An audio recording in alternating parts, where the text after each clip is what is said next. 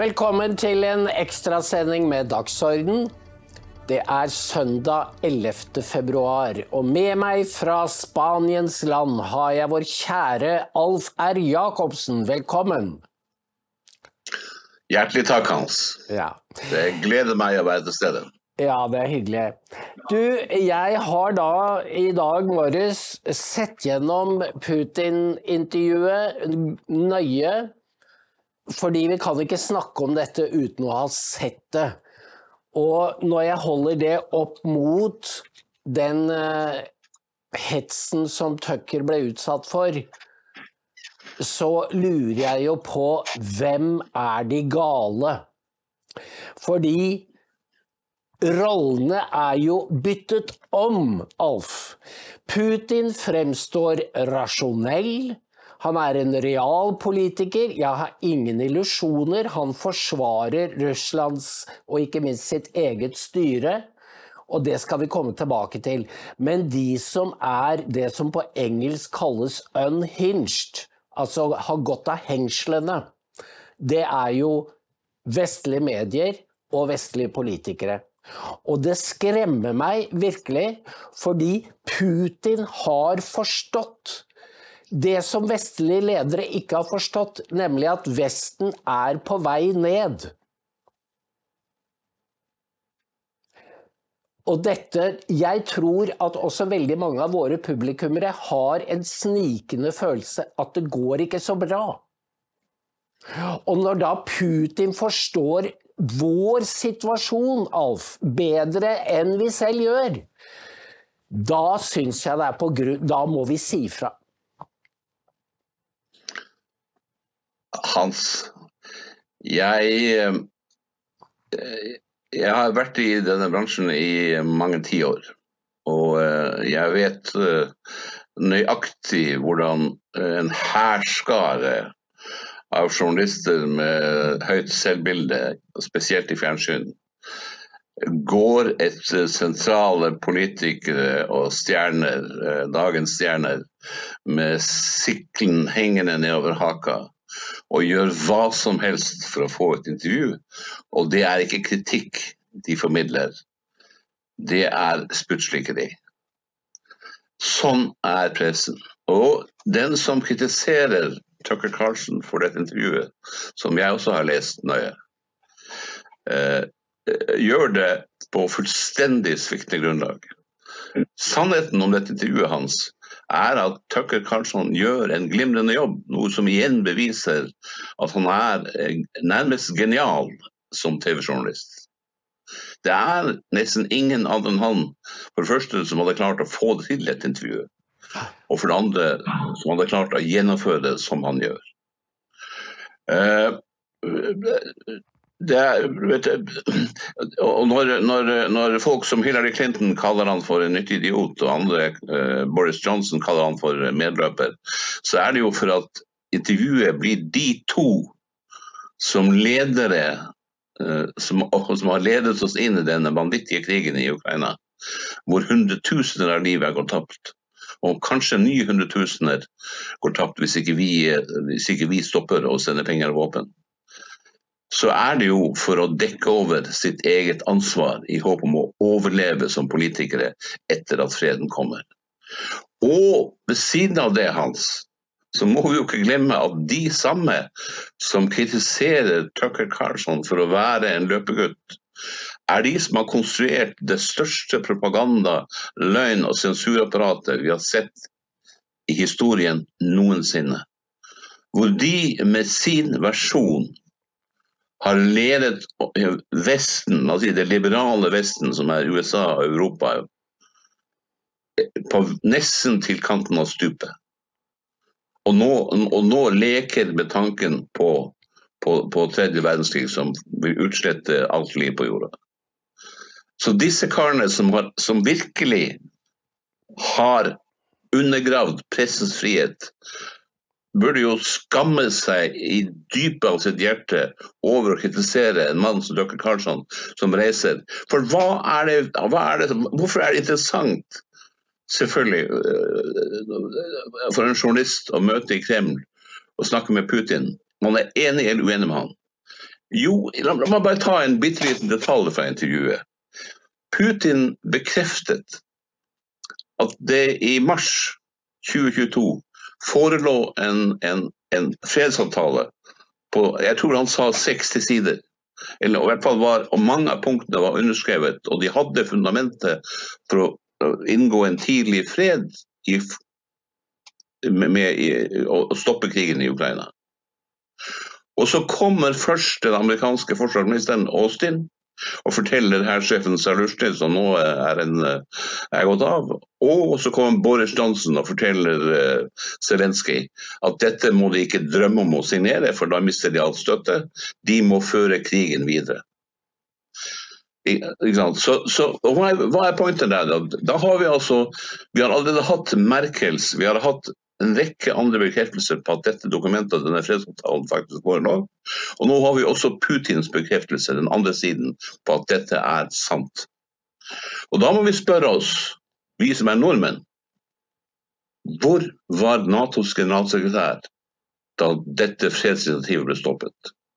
Jens Stoltenberg. Hadde han moralsk mot som leder av Nato til å stå opp og si til Boris Johnson, som alle vet er en notorisk skikkelse på mange måter. Og vi som var borti han den gangen han var bare reporter, visste jo hva hans kolleger sa om han. Eh, eh, som jeg ikke skal gjenta, fordi det kan lett bli en ærekrenkelse. Men eh, ikke sant?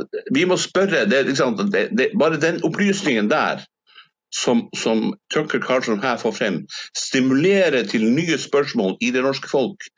Hvor var Jens Stoltenberg, og hva sa han til disse karene? Vi, hvis han er for fred. Vi må ta, vi må forhandle videre. Vi må ikke stoppe nå. Satte han sin stilling inn på dette? Eller var han bare en løpegutt for krigspartiene i USA og England? Det er det vi må spørre om. Hvor var Støres regjering? Hva gjorde de? Hvor, det, hvor, hvor, ble det av det moralske motet da vi kunne stoppe det hele før det begynte? Så Det er verdien av et sånt intervju. Mm. Det kommer fram ting i et sånt intervjuer som, som bekrefter eller, eller, avkrefter ting som er kommet fram, og som vi nå etter hvert gradvis da kan få en bedre forståelse av. Mm. Altså Krigen i Ukraina kunne vært unngått hvis denne avtalen var blitt signert eh, sannsynligvis rundt 1.4.2022. Og det ville ha spart kanskje 1-2-3 millioner liv og lemlestelser av folk i Ukraina. Ja. Dette er, altså, dette er fredsnasjon Norge. Mm. Vi, er, vi har skandalisert oss, skandalisert oss, for alltid mm. med vår oppførsel i dette. Mm. Vi er den fjerde største bidragsyteren til å føre krigen videre. Og nå snakker vi denne regjeringa fortsatt om å føre det videre. For hver granat vi sender dit, så skjer ikke noe annet enn at vi øker dødstallene.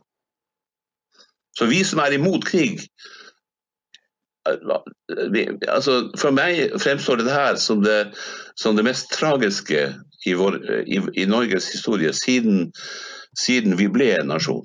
At vi virkelig lot oss lokke med i en krig for første gang på og, og, og, en krig på den type premisser vi har her. Mm. Og Det er, det er som skal ha selvfølgelig vår takk for at han dermed med dette intervjuet, som han har tatt belastningene for å gjøre, faktisk har fått frem brikker som gjør det mulig for oss å stille nye spørsmål. Det er journalistikk han det for. Og det er ikke noen av kritikerne som når han til anklene imot og integritet i dette. Nei. Og det at de bruker ikke har noe annet enn disse skjellsordene å komme med, eller stemplingen, er jo bare et bevis på at de frykter han fordi han er så dyktig. Og han er et eksempel til etterfølgelse for andre journalister. Han setter et eksempel. Og jeg ber, eh, oppfordrer alle som har tid til å, å, se det, fordi dette er altså mannen, lederen for Russland, har vært leder i 24 år. Og vi fikk høre at han var kreftsyk, han var utilregnelig. Jeg vet ikke hvor mange forsider Dagbladet har brukt på han. I fjor var det 180. Um, ja. Uh, og det, alt er bare sprøyt, fordi du ser en mann som er det er interessant å studere kroppsspråket hans, og særlig hvordan han sitter med beina. Men han har humor, han har ironi, og du må være veldig våken når du snakker med han, fordi han skifter posisjoner. Uh, og han gir en forelesning da om det tette båndet mellom Ukraina og Russland, som er helt ukontroversielt. Uh, det kan være detaljer, men altså at det er en tett forbindelse, det vet vi jo av historien. Og så kommer han da opp til vår tid, hvor han da har en fortelling om at Russland gjerne ville fått et Altså, han føler seg De føler seg avvist av Vesten. De ville gjerne blitt tatt imot, og det Særlig på 90-tallet så tror jeg det er en ganske trist historie for Vestens del, at vi ikke var til stede og gjorde mer. Eh, og så går det jo over på 2000-tallet, og da hopper jo Putin bukk over at Russland ble innlemmet i Vesten som råvareleverandør, Alf. Altså og det var, det, det var jo demokratene som var de mest Moskva-vennlige, som ikke reagerte på felttoget i Georgia, som ikke reagerte på overtagelsen av Krim. Sånn at når de slo på bremsene, så var det på overtid. Da hadde de allerede vært med på Maidan-revolusjonen, og de rustet opp da Vest-Ukraina. Så det er jo ikke bare tull det Putin sier, at Vesten trengte seg inn på Russlands enemerker. Vesten skulle De fikk advarsel på advarsel og han roser jo uh, William Burns, som var ambassadør i Moskva, som sendte beskjed hjem. Alle jeg snakker med i Moskva, uavhengig, selv om de er motstandere av Putin, sier ikke rør Ukraina, fordi det er altså russisk område. Og det Isteden så satte man i gang en operasjon inne i Ukraina. Og sånn at dette mener jeg er helt ukontroversielt. Uh, sånn at Vesten bærer et ansvar for den krigen som kom uh, i februar 22. Ja, og enda uh, må jeg jo si Hans, at jeg, jeg, jeg har nok en enda mer dyster forståelse, oppfatning av det som skjedde fra murens fall. Eh, til krigen brøt ut eh, eh, i 2022. Jeg, altså, vi, vi, vi, har jo, vi har jo ikke mye forskning på dette. Men all forskning peker jo entydig på at helt fra Gorbatsjov Eh, eh, gikk med på å trekke tilbake den røde her fra Øst-Tyskland og, og, si ja til, eh, til sammenslåing av, av, de to tyske statene, så avga Vesten det ene løftet etter det andre om at de ikke skulle bruke Russland var da i en meget svekket posisjon til å ekspandere østover. Og det løftet ble systematisk brutt i i, i episode etter episode. Til Putin sjøl vel i 2008 gjorde det klart at det som var den røde linja, det som var den røde streken, det han ikke kunne godta, det var å innlemme Ukraina i Nato. Siden fulgte jo da, og, der, og, der, og derfra, derfra hans, så ser det jo en mye mye mer bevisst strategi fra krigspartienes side de som ønsker permanent konflikt og krig, og som er drevet av den dype staten, som her i denne, i denne sammenhengen i, i, all hovedsak omfatter eh, det militære-industrielle kompleks og deres eh, evne til å skal selge våpen og tjene penger.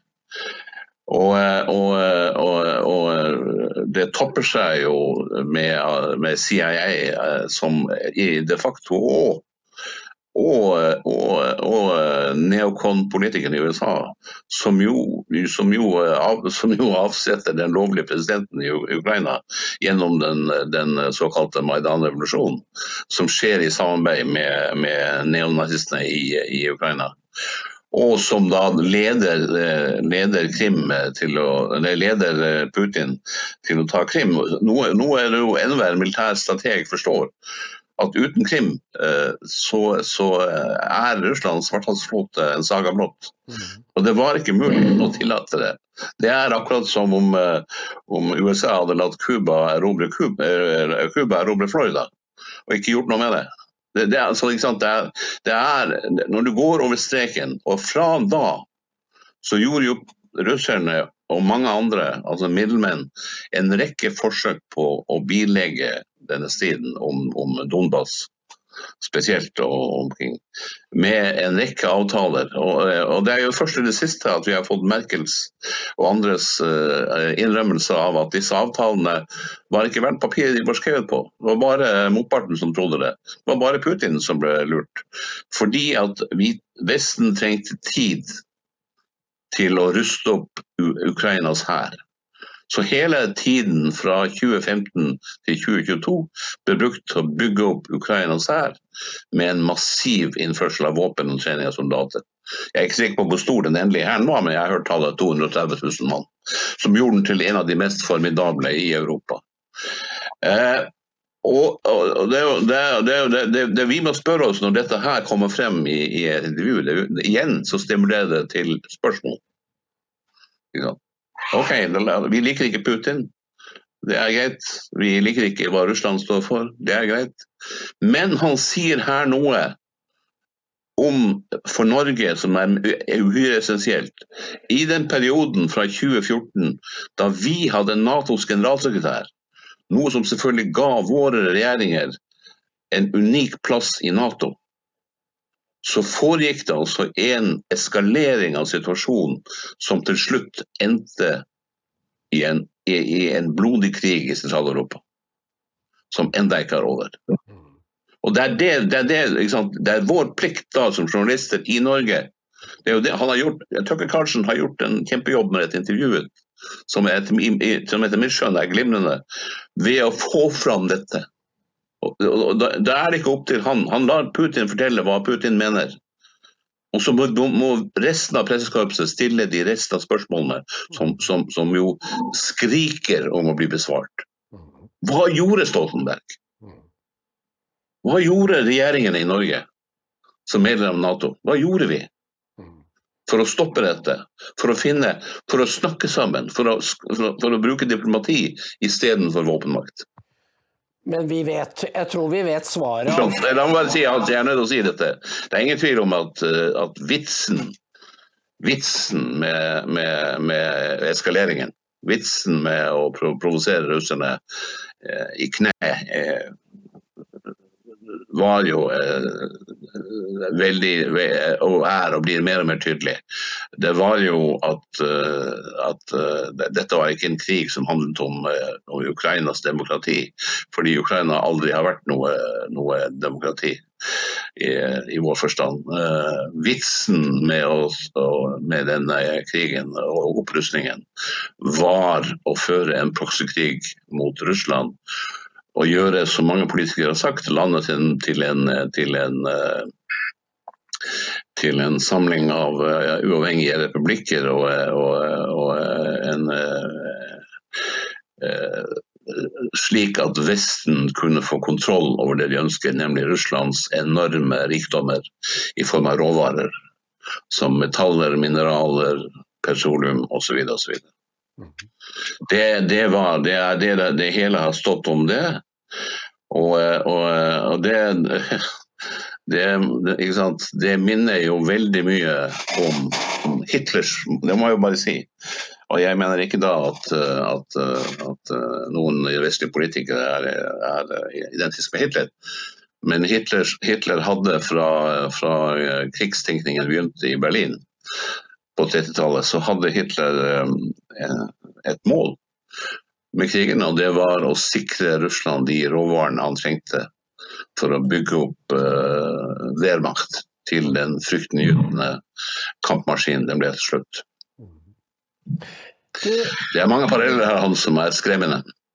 Vi som eh, Det som gjorde dette intervjuet forståelig og gjenkjennbart, var at vi som er vokst opp med den kalde krigen, vi ble kjent med en, den egne logikken som Sovjet anvendte. Den, den var eh, Vi visste hvor vi hadde Sovjet, og norsk politikk, det var å opptre forsiktig.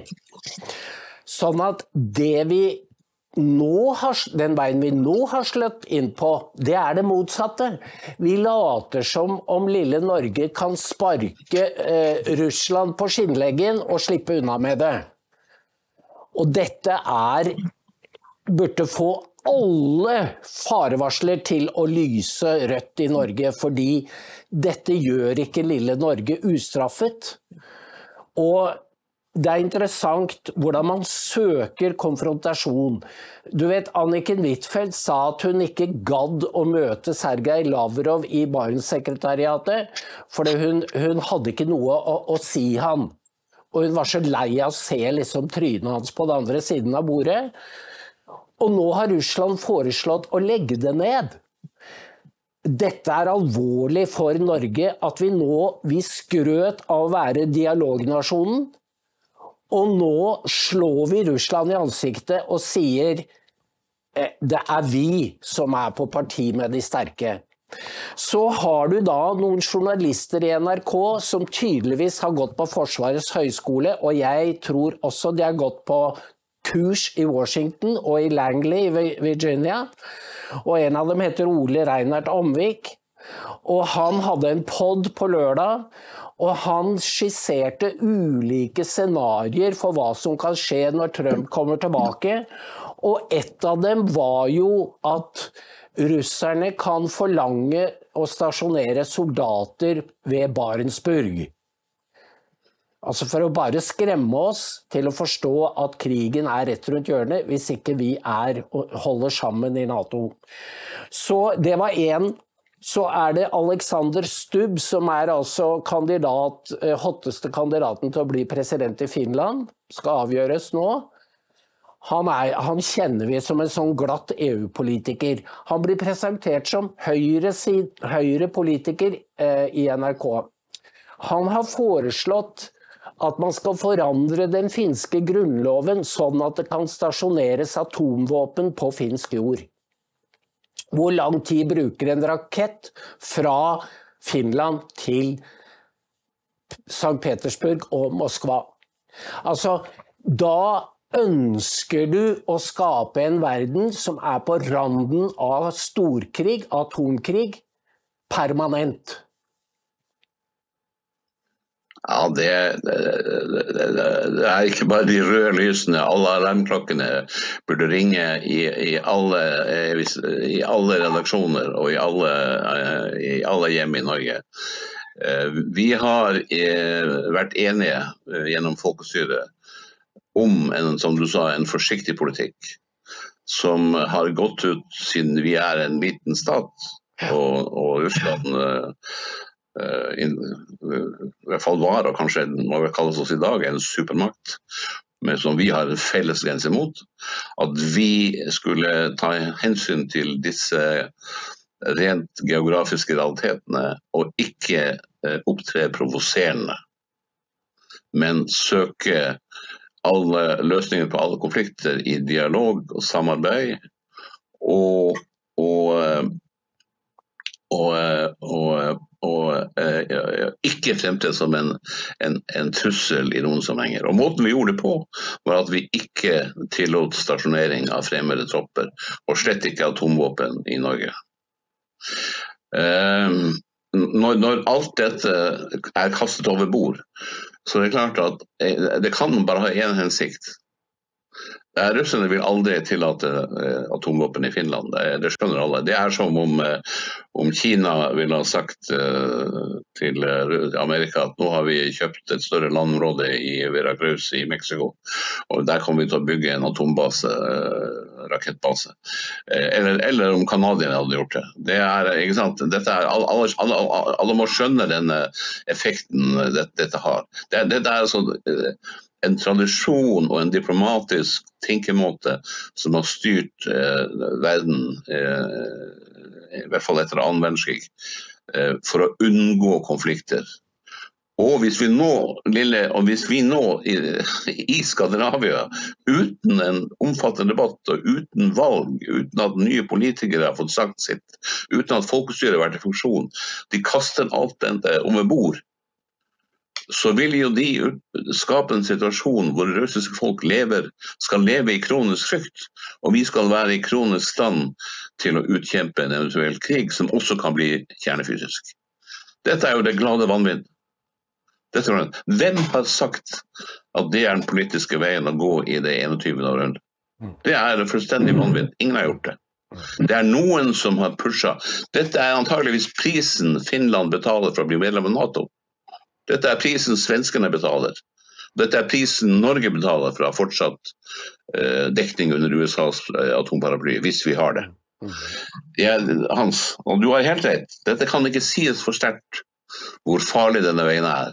Fordi at Sannheten er jo hans at vi har pga. det grønne skiftet valgt å investere våre penger i vindmøller som ikke funker og som ikke kan levere velstand til folket. Vi har valgt å bygge ned vår industri og, og, og, jage bort alle kreative folk som er i stand til å skape til verdiskapning.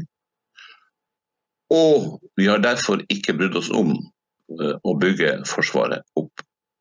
Så vi har ingenting, Hans. Og så mellom Nato, som er altså en pakt som skal komme oss til unnsetning. Men de har jo brukt våpnene sine i Ukraina. Tyskland har jo ingenting igjen. De har jo bygd ned hæren. De som hadde halvannen million mann under våpen i, for 10-15 eh, år siden, de har jo i dag eh, har de 100 000, tror jeg. Jeg vet ikke. Eh, Frankrike, som også hadde en betydelig hær, er vel nede i 70 000. Så det blir sagt at Storbritannia kan stable en hær på 30 000-40 000 mann til, på beina til sammen. Men hvor lenge? Jeg hørte at, at, at franskmennene hadde, hadde reserver av ammunisjon som varte i én eller to uker. Så hvor, hvor, skal de komme fra? USA har jo ikke våpen. De skal jo føre en krig også i Asia. Tror du, tror, er det noen som tror i sine villeste fantasier at de har satt av reserver av, av granater og, og, og, og, tanks som skal plasseres oppe i Varanger Eh, hvis det blir en liten konflikt der som for oss er meget stor og meget faretruende. Eh, når de samtidig eh, pisker opp til, til, til uvennskap mellom, mellom Kina og, og, og, andre land i Asia. Dette her, Det er, no, det er en, en, en, en, krets som har tatt grepet om eh, global politikk hans som er i ferd med å kjøre oss over stupet. Det er det jeg mener jeg sier, at vi er på vei mot stupet. Disse karene og kvinnene må stoppes før det er for sent. Vi vet jo hvem mange av de er. Det er neokon, de såkalte neokon-folkene i Washington. Som har en filosofi om at permanent krig er ønskelig. Og, og vi har dessverre valgt politikere som er dumme nok og uten moralsk fiber til å stå imot dette. Og Det er derfor de ser denne utviklingen. Finland skulle ha atomvåpen er en, eh, en pervers tanke. Mm. Som vil føre til å destabilisere Skandinavia fullstendig. Mm. Og det vil ende, hvis, hvis, hvis uh, det skulle bli slik at vi, at vi provoserte russerne til et mottrekk, så ville det jo ende med forferdelse. For vi har ingenting å stå imot med. Og en sånn, Hvis en fjott Eh, lanserer en, en russisk garnison uh, ved, ved, ved Barentsburg, uh, så bør han jo iallfall lese grunnene til at vi evakuerte Svalbard da det var krig, annen verdenskrig i 1941. Hvorfor dro vi oss tilbake? Jo, fordi det enkle faktum er at Svalbard er en øy som i stor del av året er omgitt av is, og du kommer ikke til. Så det har ingen mening å stasjonere en militær garnisjon. det er ikke et militært formål. Fordi det er en massiv operasjon å holde den i live gjennom en lang vinter. Det, er, det, er, vet, det viser bare at han, det vedkommende som lagde denne podkasten, har ikke, har ikke, han har ikke åpna ei bok for å sette seg inn i hva dette gjelder. Russerne vil se det, Barentsburg er selvfølgelig det siste stedet hvor russerne ville sette inn tropper. For hva skulle de ta? Og vi, som de store idiotene vi er, vi har jo bygd ned all vår virksomhet på Svalbard, stort sett. Mm. Og nå hører jeg det skal bli stort sett forbudt å gå på land alle plasser, unntatt 21 plasser. Det er jo, du vet at det er en politikk som styres og er formulert av folk som både er kunnskapsløse og som mangler eh, eh, det liberale Vestens etikk og moral. De har, glemt, de har glemt hvilket åndelig fundament vi bygger på. Og de, har, de bygger ikke sin politikk på den. Og det er farlig hans. Hvis du glemmer hvis du glemmer hvis du glemmer eh, det, det, det, det åndelige, ideelle grunnlaget som også skal motstyre politikken, så er veien til stupet veldig kort. Du vet, Putin sier at Nato trodde de kunne slå Russland på slagmarken. Og du husker jo da det første året, i 22, så var det jo da strømmet det på med meldinger om russisk kaos. De hadde ikke støvler, de hadde ikke drivstoff, de hadde ikke mat. Det var fullstendig kaos, og de var sitting ducks for disse dronene i disse kolonnene hvor de sto fast. Um, men så har det tatt litt tid, og så greide russerne å lage disse forsvarsverkene. Og de har da artillerigranater og kan begynne Eh, den, med den strategien de lærte eller anvendte under annen verdenskrig.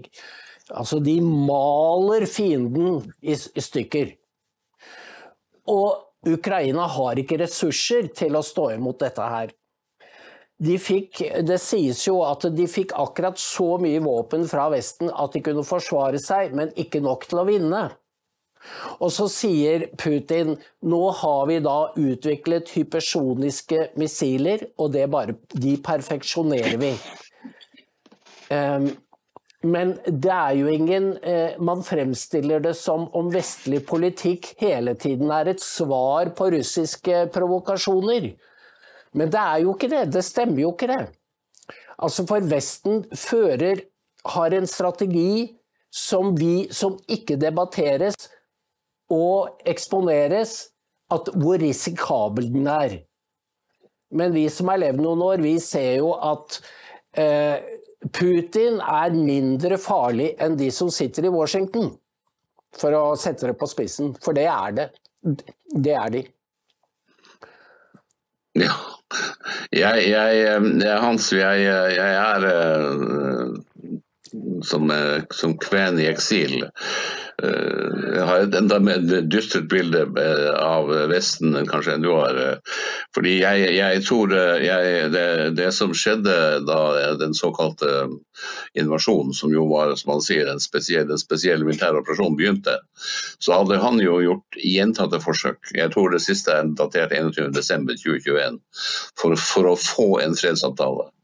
Og for å, for å stoppe eh, det han kaller for nazifiseringen av Donbas. Som eh, forbød russerne å snakke russisk, som eh, gikk til angrep på den, eh, den eh, ortodokse kirken, og, som, og, en lang rekke andre tiltak for å undersøke eh, russisk. Altså rene provokatoriske tiltak for å, for å, for å, for å fremtvinge en, en, noe som kunne utløse en, konfrontasjon som kunne bringe Russland i kne. Det var målet. Og så gjorde jo, Dette her vil jo vi få vite når forskerne en dag blir, blir får se på dette. Det er klart at eh, Hadde, hadde den, eh, den, russiske invasjonen vært alvorlig ment, så hadde de ikke gått inn mot en hær som sikkert var på 200 000 mann, som sto oppmarsjert i Donbas med 70 000 mann eh, som, skulle, som skulle ta Kiev og Kharkov osv. Jeg, jeg, jeg tror på de som sier at målet var, målet var å få fart på fredsforhandlingene, og det skjedde jo. Det ble fart på fredsforhandlingene. Fra, fra februar til uh, i mars så ble det fremforhandlet en avtale som, eh, som, som ble beskrevet i dette intervjuet, som var eh, på 60-70 sider, og som var en meget fordelaktig avtale for begge parter, også for Ukraina. Og den var også delvis ferdig signert. Så denne, denne, denne, denne såkalte invasjonen med en altfor liten styrke til å kunne vinne, eh, hadde jo sin, da sin effekt. Eh, og det, så sier jo russerne at, at det, det, er jo ikke riktig at at de, at de, ble, de ikke hadde noe, ikke, og så videre, ikke Men de, de som, et, som et tegn på at de var vist god vilje, så trakk de seg jo ut av en rekke av de posisjonene de hadde tatt.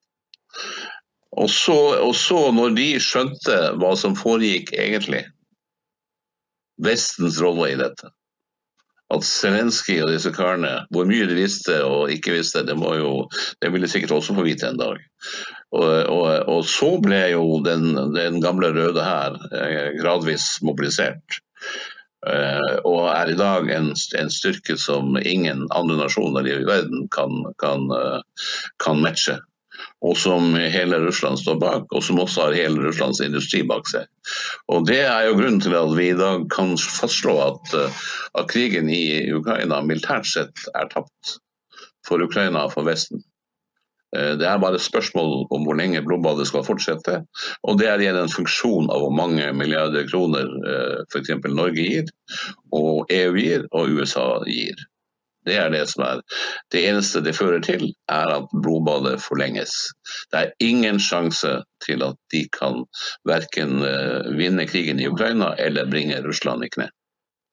Så det er grunnen til at vi må søke fred, og jo fortere det skjer, desto bedre.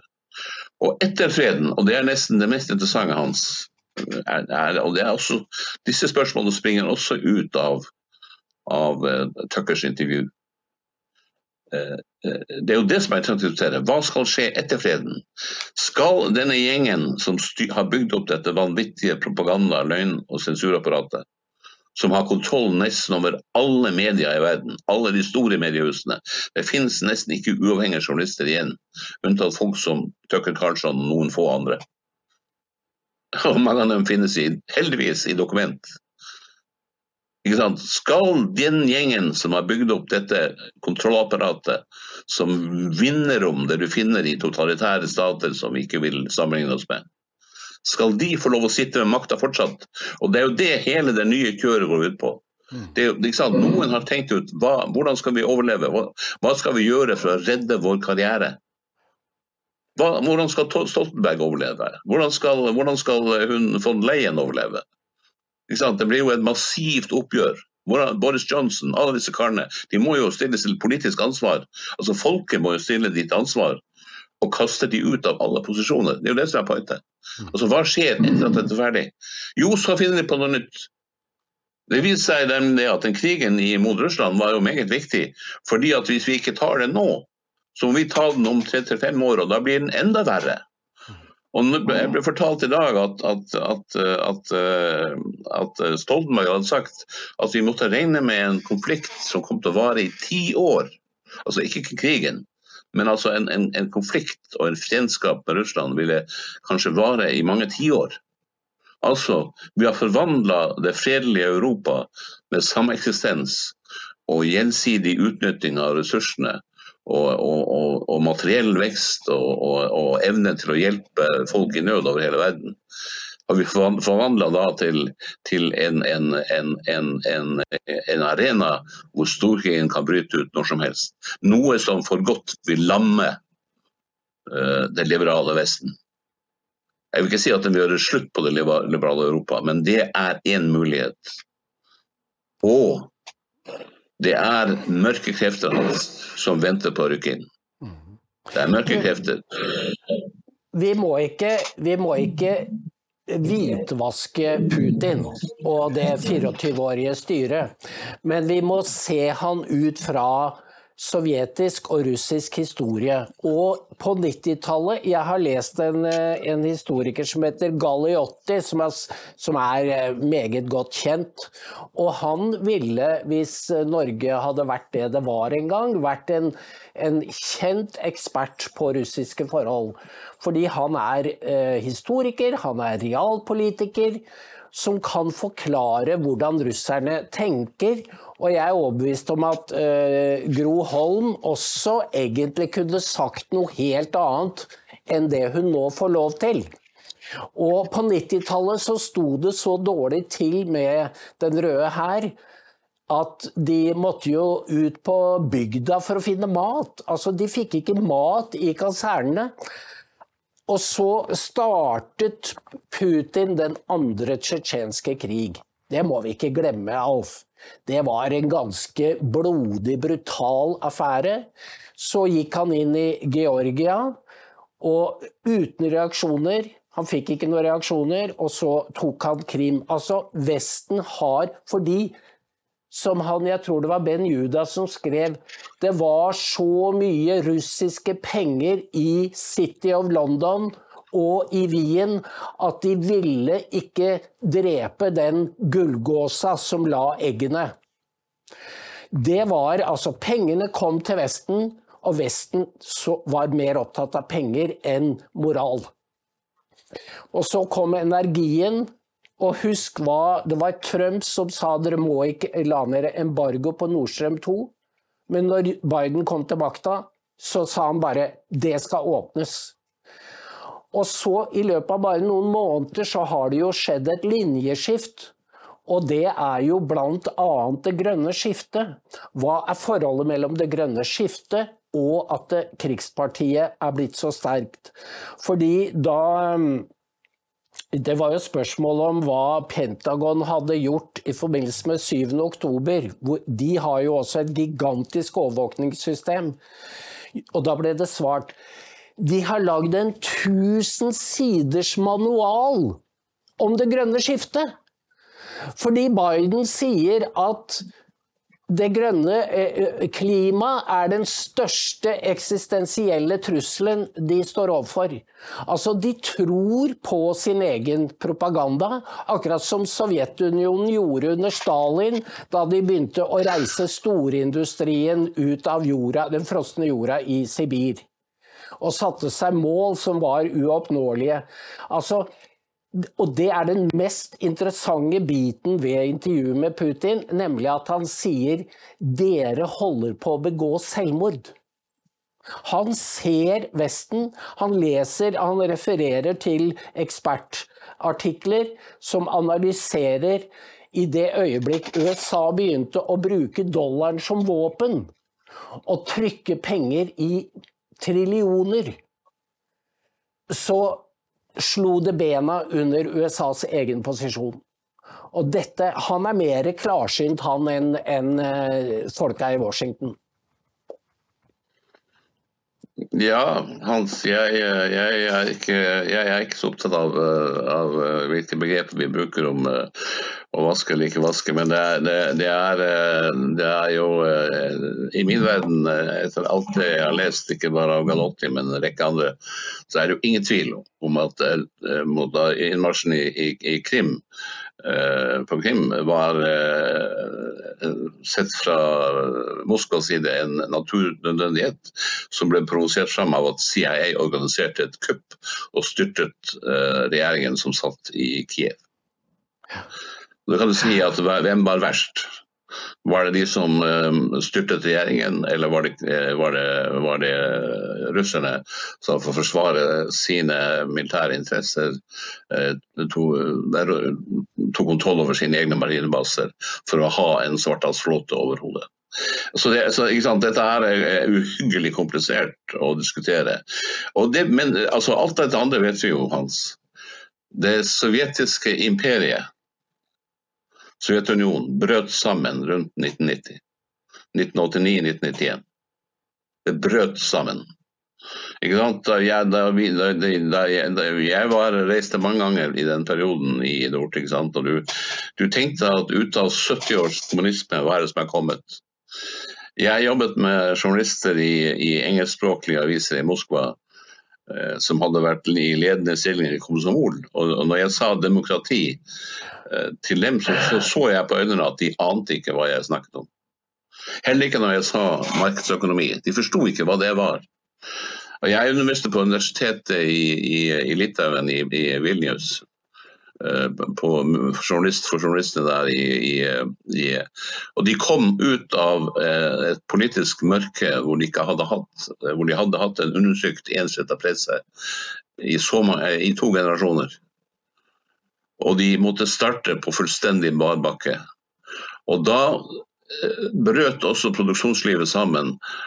Og falt i klørne på de mest hensynsløse av gangsterne, som rundstjal, enten de hadde dress eller ikke. Og sånn så må du også plassere Wall Street inn i dette, som kom til Russland med sine absurde ideer om at dette, dette var ikke en historisk eh, katastrofe. Eh, at en, at en, så stor stat og viktig stat som Russland bryter sammen, som Sovjetunionen bryter sammen. Men det var en historisk sjanse til å skape en ny, en ny markedsøkonomi over natta. Og det er jo, det må jeg, må jeg si at det, det, Hva vi enn mener om Boris Jeltsin, eh, som eh, overlot rattet til Putin i 2009 eller, Jeg vil ikke la meg rote med tallene her. I, i 2001. Ja. Ja i 2000, så, så, så, så, det er klart at etter en, etter en gitt tid det her har vi jo forsket altfor lite på. Så det er åpenbart at noe skjedde med Putin. Han forvandlet seg jo fra å være med på disse utskeielsene som fant sted i Russland, og som var i ferd med å ødelegge hele nasjonen og som ødela produksjonslivet og som ødela produksjonsapparatet, og som ødela alt det som var bygd opp av dog, selv om det hadde som var kvalitet, så var det dog resultatet av en lang historisk prosess. Eh, eh, og han snudde rundt. Og det er jo det som gjør at, at, at, Eh, at eh, hva vi enn mener om hans politiske grunnsyn og hans fortid i, i, KGB og hans ellers, så det er klart at er det noen eh, som har klart å stoppe en utvikling som førte rett i avgrunnen, og som ville ha ledet til eh, at Russland blir en pariastat. Hvis eneste eksportartikkel hadde vært Eh, folk med, med eh, altså gangstere som er bosatt eh, som livvakter rundt omkring i hele verden, ikke minst hvor jeg bor. og, tatoveringer over hele kroppen. Som, jeg, som, det kunne se ut som at, at er, det, er, det, virkelig kommunismen er det, har kommunismen produsert? Det eneste de har produsert, er voldsmaskiner som lever som de er, er, er, er statister i en Hollywood-film. Men det, det, er jo ingen tvil om at, og det kan vi ikke fjerne ta fra Putin og hans, uh, hans regjering, at de fra omtrent uh, la oss si 2007, 2008, 2009, 2010, hvor han advarte Vesten mot uh, ytre ekspansjon østover, at han er den som har styrt landet inn i en annen utvikling og at han gjorde dette i samarbeid med, med, med, med Tyskland. Og, og det, dette er jo en uhyre interessant, uh, interessant periode. Fordi uh, det, Europas gjenreisning etter krigen hans, hvis du ser dypere på dette, her, henger jo ikke bare sammen med og spesielt Tysklands gjenreisning. Og Tyskland nå jo, var jo bomba til en, en flat ørken. Uh, og den, den økonomiske miraklet i Tyskland skyldtes jo ikke minst at de fikk tilgang til billig russisk energi. Over lang tid, fra 60-åra og helt inn til vår tid.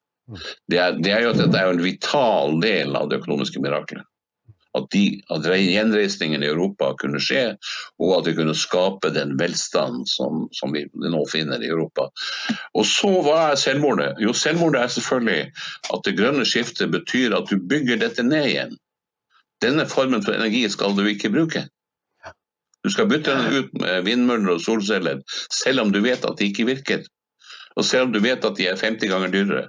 Og selv om du vet at alt det du setter i gang med, da går konkurs, og at du da må for evig leve på statsstøtte, som gjør at staten får en helt sentral rolle, og nødvendigvis nødvendigvis for, å, for å få folk til å godta at de skal leve i permanent fattigdom uten håp. Uten håp. Fordi de har ikke energi som kan bygge en moderne industri som kan, skape de godene som du kan bygge et bedre liv av. Det er jo det som er selvmordet. At folk er blitt lurt til å tro på at det er sånn det er. Og hva må du bygge? Hva må denne eliten som tror dette og står bak dette, bygge for å få det til? Ja, Hans, de må bygge politistaten. Og de må føre krig mot de som opponerer. Det er det det dreier seg om. Det er grunn, dette er kjernen i konflikten. Det er det som kommer nå, og det er selvmordet i Europa. Og i tillegg til det, Hans, så er det selvfølgelig de vanvittige politiske påfunnene som har kommet ut av amerikanske universiteter. Alt fra fri innvandring og troen på at det er mulig å assimilere eh, alt fra islamister til eh, ja, jeg skal ikke hvor, hvor langt du skal dra det eksempelet, eh, til eh, fritt kjønnsvalg. Eh, alle disse eh, retningene og ideene som, som, du ser blomstrer i, i, i dag og som til syvende og sist betyr at Vestens liberale verdier blir borte. Mm. Og da er selvmordet fullkomment.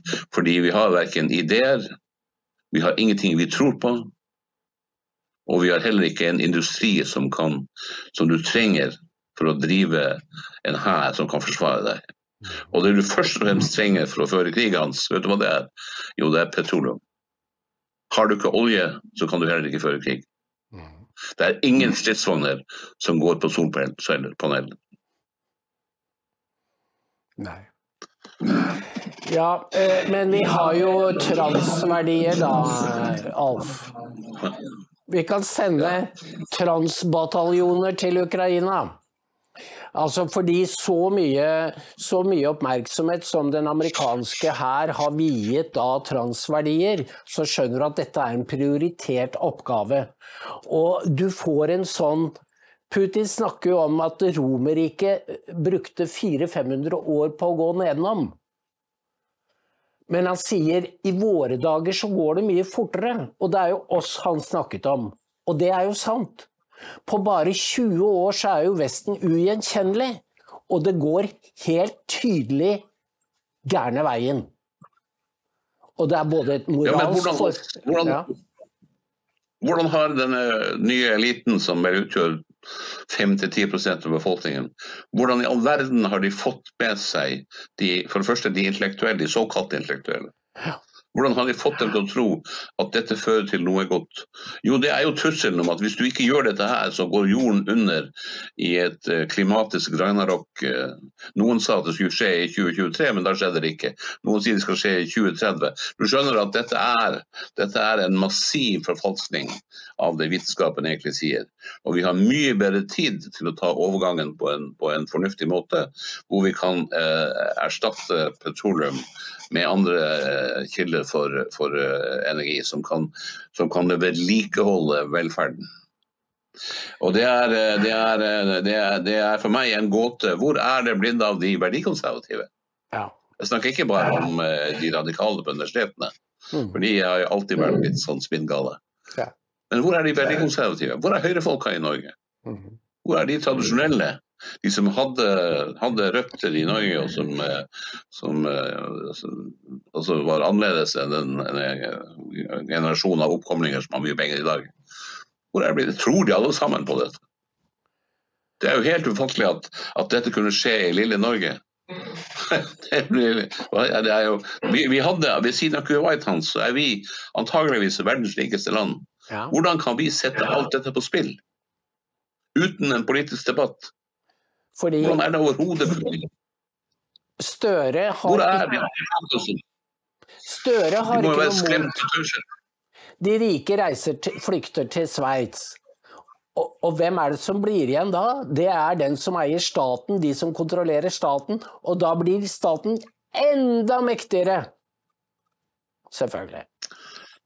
Ja, det er klart. Og da også, det er, men altså, det er, det, dette er jo, ikke sant, i, i, dag er det tror jeg, jeg har blitt fortalt at jeg jobber én million mennesker i det offentlige i Norge. Av, uh, av nesten fem millioner. Mm. Det er historisk, en historisk rekord som er uslåelig.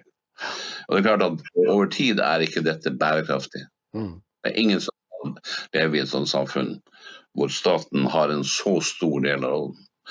Og, og la, meg bare, la meg bare tilføye en, en tilleggsopplysning til det du sa.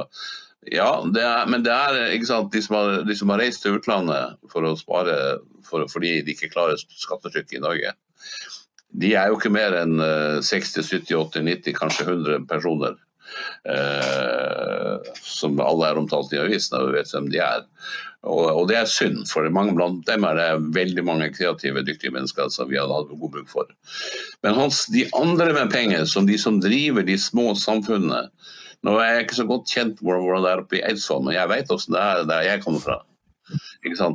Der er det en, en driftig kar som, eh, med en familie og en vanlig husbankhus og, og, og en, eh, en bruktbil eh, med campingvogn. Og han driver et fiskebruk med, hvor han tar imot fisk kanskje hver, hver dag i uka og, og holder 8-10-15-20 stykker i arbeid. Og han er på brygga hver dag i kjeledress. Det er jo den gjengen med verdiskapere som holder Norge sammen. Og jeg vedder på at du har det samme på Østlandet. Altså Rundt omkring i bygdene så har du det. Du har disse folka som har tiltak, og som vil skape noe. Og noen av dem har så mye tiltak at de får gode ideer, og så blir de kjemperike. Men de aller fleste sliter jo hver dag sammen med de andre på gulvet. Og så blir de skatta i hjel, og de blir jo skatta ut slik at de ikke har noe å investere i bedriften. Det er jo der tabben ligger. Dør og gjengen kan jo ikke ha vært med, kan jo ikke ha vært ute i livet og sett hvordan det foregår. Det er jo her selvmordet ligger. Hvis de fortsetter med denne politikken i noen få år til, så er jo hele det tradisjonelle Norge borte. Hele vår historie, alt som er knytta til det av kultur og verdier, er borte. Uh, Alf, vi har, et, vi har ett innslag til, og det må vi ha med. Fordi dere må se i det minste litt av intervjuet med Putin for å se hvor vital, hvor oppegående og kvikk han er. Og så kan dere da se på Nå skal dere få se fem minutter med Biden. Fordi på torsdag så kom nemlig rapporten fra spesialetterforsker Robert Hur. Og det var en de trodde nok det var en inside job, fordi han jobber for et av de tre store advokatfirmaene i Washington, som er sånn uh, sirkeldør mellom uh, jobber i næringsliv og de har stor innflytelse. Uh, og så leverer han Han intervjuet Biden i to dager. Og så skriver han at det er en gammel mann, han har vært uforsiktig med papirene, med vilje men vi kan ikke stille ham for en jury, for han er gammel og glemsom. Og da ble Biden så provosert, fordi dette, han visste ikke om at dette kom. Og det er jo da et bakholdsangrep. Så han tillyste en pressekonferanse, og den ble en katastrofe. Vær så god. President Biden, something the special counsel said in his report is that one of the reasons you were not charged is because in his description, you are a well meaning elderly man with a poor memory. I'm well meaning and I'm an elderly man and I know what the hell I'm doing. I've been president. I put this country back on its feet. I don't need his recommendation. It's How totally bad out. is your memory and can you continue as president? My memory is so bad I let you speak. That's uh, that's Do you that's my your memory has gotten worse, Mr. President. My memory is not got. My memory is fine. My memory, take a look at what I've done since I become president. None of you thought I could pass any of the things I got passed. How'd that happen? You know, I guess I just forgot what was going on. Mr. Mr. President, Mr. President. Do voters have concerns about your age? How are you going to assuage them? And do you fear that this report is only going to fuel further concerns about your age? Only by some of you. Mr. President, Mr. President, Mr. President. Cleared up criminal liability today. But do you take responsibility for at least being careless with classified material? I take responsibility for not having seen exactly what my staff was doing. It goes in and points out things that appeared in my garage, things that came out of my home, things that were moved, were moved not by me, but my staff. But my staff.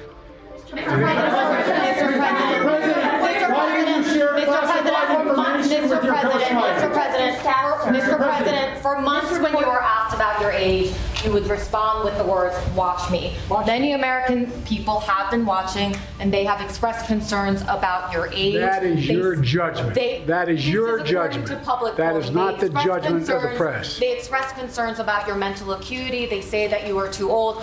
Mr. President, in December, you told me that you believe there are many other Democrats who could defeat Donald Trump. So why does it have to be you now? Why, what is your answer to I'm the most question? qualified person in this country to be president of the United States and finish the job I started. Do you believe, do you believe that? Do you believe that. President, why are you confusing the names of world leaders? Thank you, everyone. Thank you very much. I did not share classified information.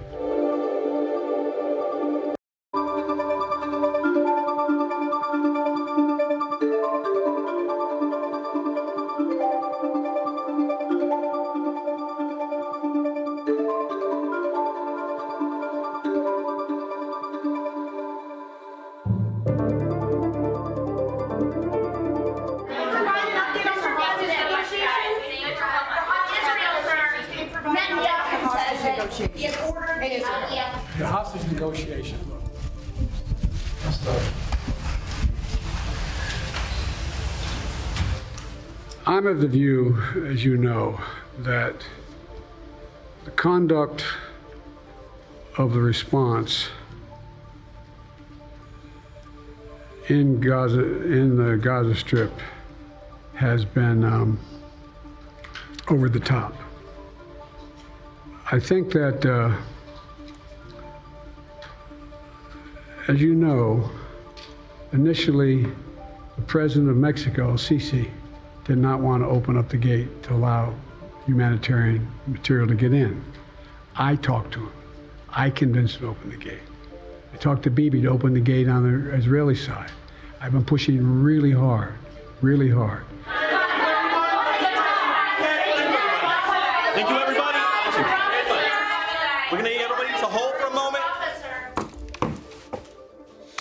What a chaotic uh, news conference and attempt to clear up uh, his position when it comes to those classified documents, trying to show that his memory is fine. And then President Biden, instead of referring to Egypt, called President Fattah al Sisi the president of Mexico. So uh, a stumble just as he's trying to firm things up.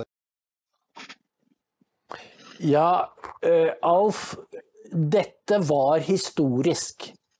Men ingenting i norske medier.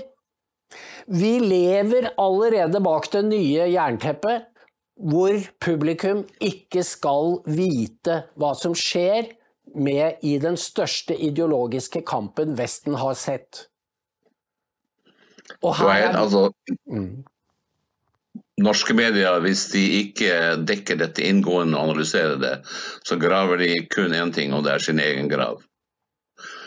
Eh, hvis du glemmer som journalist at din eneste oppgave og fremste oppgave det er å informere folk om de, de vesentlige ting som skjer, og, og prøve å forstå dem og formidle dem på en korrekt måte, så har du overhodet ingen grunn eller rett til å heve lønn for å være i det yrket. Så eh, press, eh, massemedia i Norge er nødt til å gjennomgå en brutal oppvåkning. Og kanskje må en lang rekke av de som kaller seg redaktører og mellomledere i dag, bli skifta ut fordi de er udugelige eller mangler moral. Jeg vet ikke. Men hans eh, eh, man, man, altså, det, Om selve intervjuet sant, det, hadde, er en, det er jo et tragisk øyeblikk i amerikansk historie. Eh, eh, og, og det, men det skyldes ikke bare det personet, men det skyldes jo først og fremst at dette er mannen som er president. Dette er mannen som er øverstkommanderende. Dette er mannen som kan avgjøre spørsmålet om krig eller fred. Dette er mannen som har fingeren på atomknappen til sjuende og sist. Det er jo det som er dramaet i dette her. Når han er omgitt av neokonhaukene, er han i stand til å styre dem, eller er det de som styrer han? Vi er i en livsfarlig situasjon hans. Dette kan ikke fortsette. Og med disse ord så takker jeg Alf, og vi setter sluttstrek for Dagsrevyen. Og dette siste ord er jo ikke sagt. Takk for nå.